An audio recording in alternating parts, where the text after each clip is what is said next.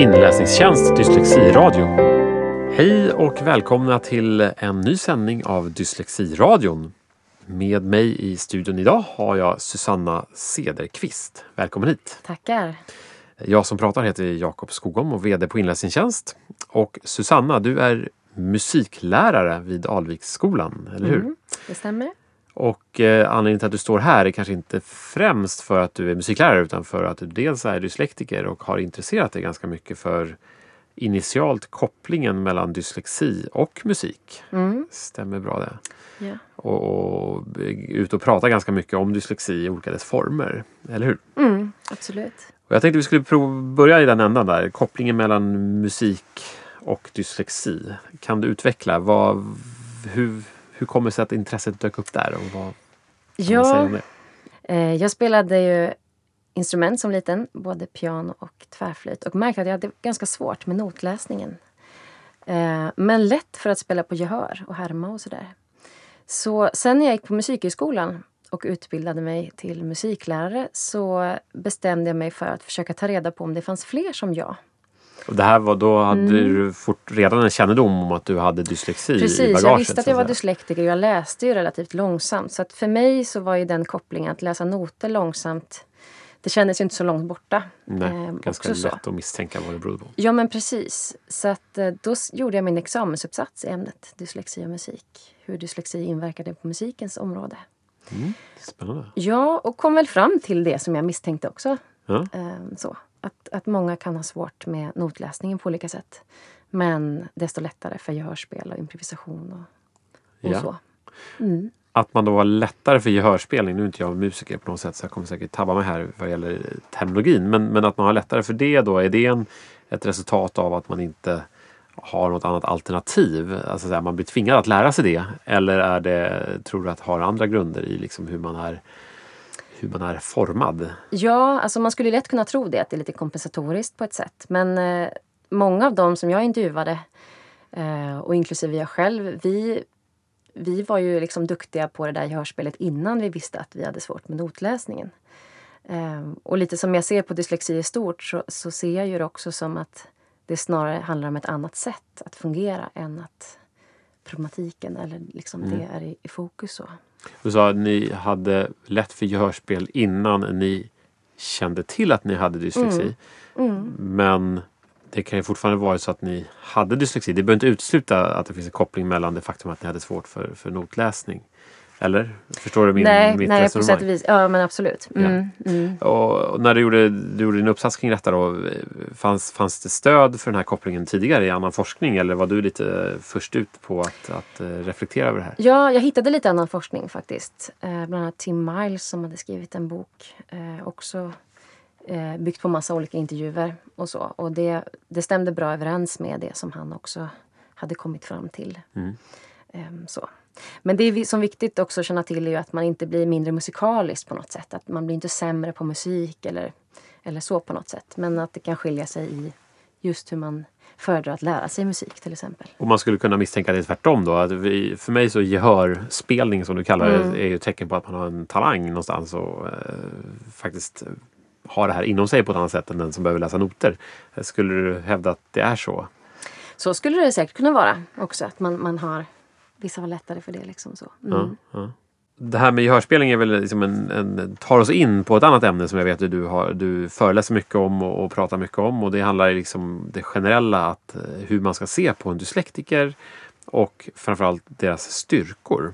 Mm. Eh, för jag tror det är så du vill, eh, vill positionera det hela. Kan du Mm. utveckla det lite grann med, med styrkor och kanske koppla an till gehördelen? Ja, men jag menar att det är så att jag tror att vi, det finns en större bild av dyslexi än vad vi ofta eh, ser det som. Framförallt här i Sverige. Att det är mycket problembaserat. Så att man ser mycket till den läs och skrivproblematiken som finns förknippat med det. Och visst finns det det. Det är inte så att jag förringar någon problematik på något sätt. Men jag tror att bilden är större och att det också finns styrkor kopplat till det här.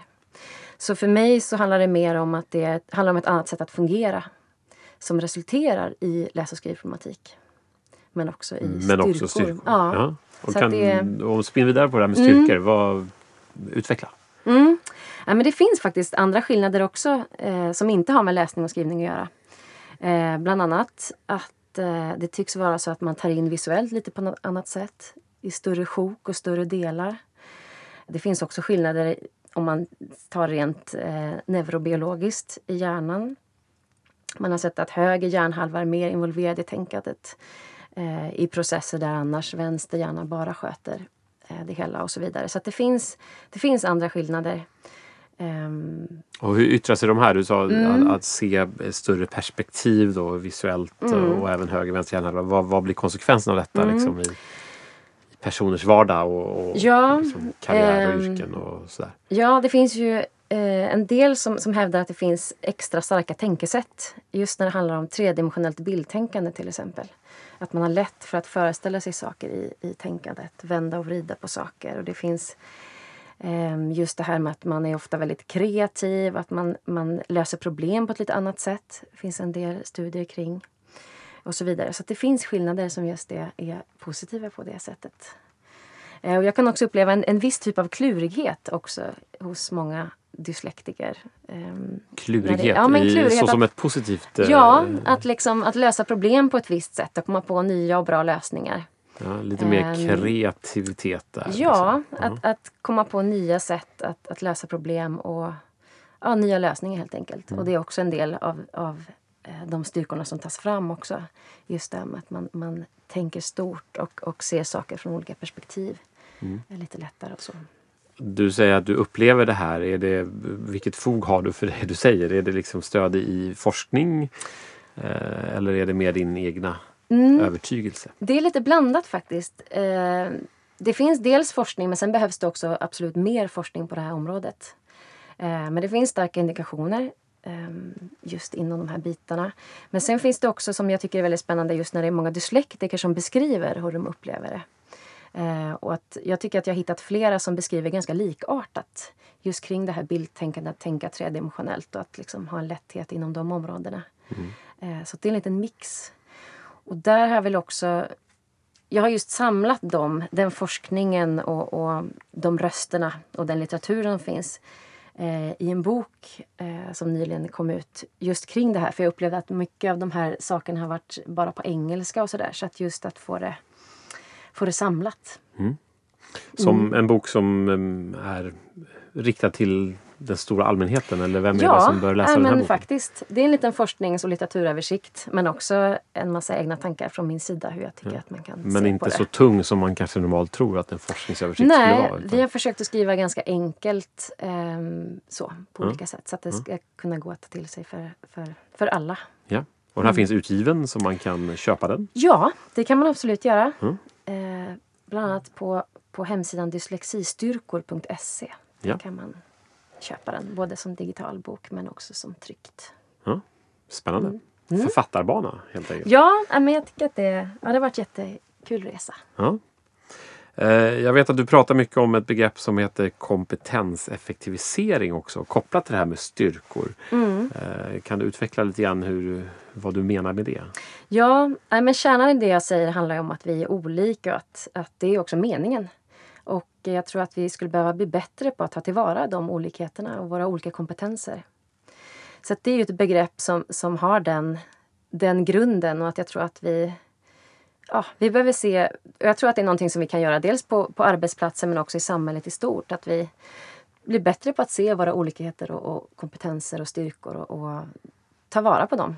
Mm. Helt enkelt. Och att alla behöver inte göra på samma, samma sätt heller utan man kan göra på det sättet som, man, som passar en bäst. Och du tänker mycket i arbetslivet och Ja, och, och i, i, studier och, och, ja, allt möjligt så. Mm. Att, man, att man ser, ja, Kan, kan du vara lite mer konkret? Något exempel från, från arbetslivet till exempel? Ja, nej men till exempel att, att ja, men framförallt det här med att man inte behöver göra på samma sätt allihopa. Liksom att, att eh, eh man kan liksom ha olika infallsvinklar på olika situationer och att man kanske som dyslektiker då man är väldigt kreativ och innovativ att man sitter med i de sammanhangen eh, där det spånas och, och, och, så. Sen vet jag också att det är många chefer som är dyslektiker eh, just för att det finns en styrka i det här helhetsbegreppet hur man ser på saker och hur man hur man eh, ja, att man, man har en helhet. Över, liksom, ja, precis. Ja, mm. ja. Så, så uppmaningen här är att, att eh, på arbetsplatser till exempel vara lite Mm. mer öppen mot, eh, mot folks olikheter och kanske speciellt mot de som har dyslexi se de här positiva sidorna som verkligen finns där men som kanske inte alltid kommer fram. Nej, precis. För jag tror att man kan gå miste om dem annars kanske. Mm. Du, du nämnde det här med kompetenseffektivisering som också hänger ihop med att man, man ska göra på lite olika sätt. Anpassa efter, Mm. eh, efter personens kompetenser. Och det är någonting vi är ganska vana vid när vi jobbar med inlästa läromedel. Hur kan du utveckla det lite grann? Vad, finns det något speciellt du tycker man ska tänka på i det sammanhanget? Mm. Jo, men det är ett begrepp jag jobbar utifrån mycket, just det här tillgänglig textbegreppet. Och det handlar helt enkelt om att man ska ta till sig innehållet på det sättet som passar en bäst. Att alla behöver inte sitta och läsa manuellt för att det kanske inte är det effektivaste sättet för en. För många, framförallt dyslektiker, så är det ju ofta bättre att lyssna på en text till exempel. Att det är mer effektivt. Och att det är väldigt viktigt där att, att man känner att alla känner att man har ett effektivt sätt att ta till sig textinnehåll på. Så man inte känner sig exkluderad på något sätt eller att man kan missa någonting eller att det känns ineffektivt på något sätt. Utan man, man vet sina sätt. Och där finns det ju så mycket teknik idag så det är ju oerhört eh, bra. Tacksamt Ja, läge just nu. Precis. Mm. Ja, det... finns ju massa olika sätt. Och det fortsätter utvecklas kan man ju Mm. lugnt konstatera. Ja, Spännande, intressant. Ehm, och då är det så att de som tycker att det här var intressant att lyssna på eh, och vill lyssna på mer av dig så kommer du vara med oss i vår våruppsättning av våra seminarieserier som kommer gå av stapeln i februari-mars ungefär. Mm. Ehm, Så för alla lyssnare som vill träffa och lyssna mer på Susanne Susanna, så eh, håll utkik i er mailbox när vi går ut med inbjudningar. Det kommer komma ut efter nyår ungefär. Och helt enkelt se till så att ni får en plats. De brukar gå ganska fort. Ehm, och så syns vi mer ute i Sverige här på våren helt enkelt. Tack för att du kom hit Tack så mycket. och tack alla som lyssnade.